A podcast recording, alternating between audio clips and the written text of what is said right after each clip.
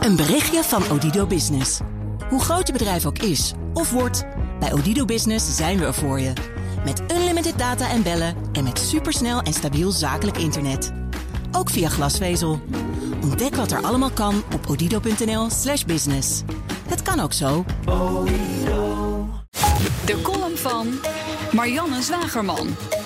De Oscars werden voor het eerst uitgereikt zonder presentator. Er was niemand gevonden die aan alle politiek correcte standaarden voldoet die tegenwoordig aan zo'n klus verbonden zijn. In het land met een verfrissend politiek incorrecte president slaan de tv-makers helemaal door de andere kant op. De beoogde presentator bleek jaren geleden te hebben getwitterd dat hij het poppenhuis van zijn dochter op het hoofd van zijn zoon stuk zou slaan als hij ermee zou spelen.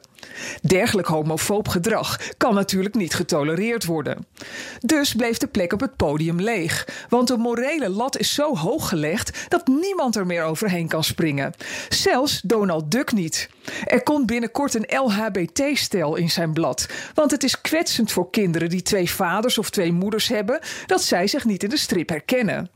Nou had ik vroeger ook geen oom die elke dag een duik nam in zijn geldzwembad. En geen neefjes die bij een andere oom woonden die altijd zonder broek rondliep. Toch geloof ik niet dat mijn kinderziel er ernstige schrammen door opliep. Maar dat ligt tegenwoordig natuurlijk allemaal gevoeliger. Vasthouden aan die ouderwetse strikte scheidingen tussen genders kan echt niet meer. Dus schreed er zondag een man over de Oscarsloper in een schitterende zwarte fluwelen baljurk met sleep. Zijn jurk was een genderfluïde statement waarmee hij homoseksuele jongetjes wil inspireren om ook te dromen over een mooie jurk waarin ze naar een feestje kunnen. Ik weet dat ik ouderwets ben, maar ik verlangde toch even terug naar mijn female privilege om een gala jurk te dragen. Het lange, dunne zusje van Kim Kardashian ging met haar blote billen over de loper. Samen met haar vader, die een paar jaar geleden zijn ballen eraf liet halen. Hij droeg een langharige pruik en een kort mini-jurkje boven zijn gespierde atletenbenen, waarmee hij ooit nog eens een medaille won op de Olympische Spelen. Gelukkig zong Lady Gaga Shallow, het nummer waarvoor ze een Oscar won.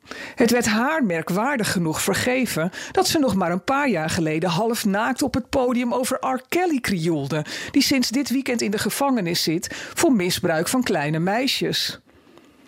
Tell me something, girl, zong Bradley Cooper tegen Gaga. Are you happy in this modern world? Nou, daar ga ik eens een weekje over nadenken.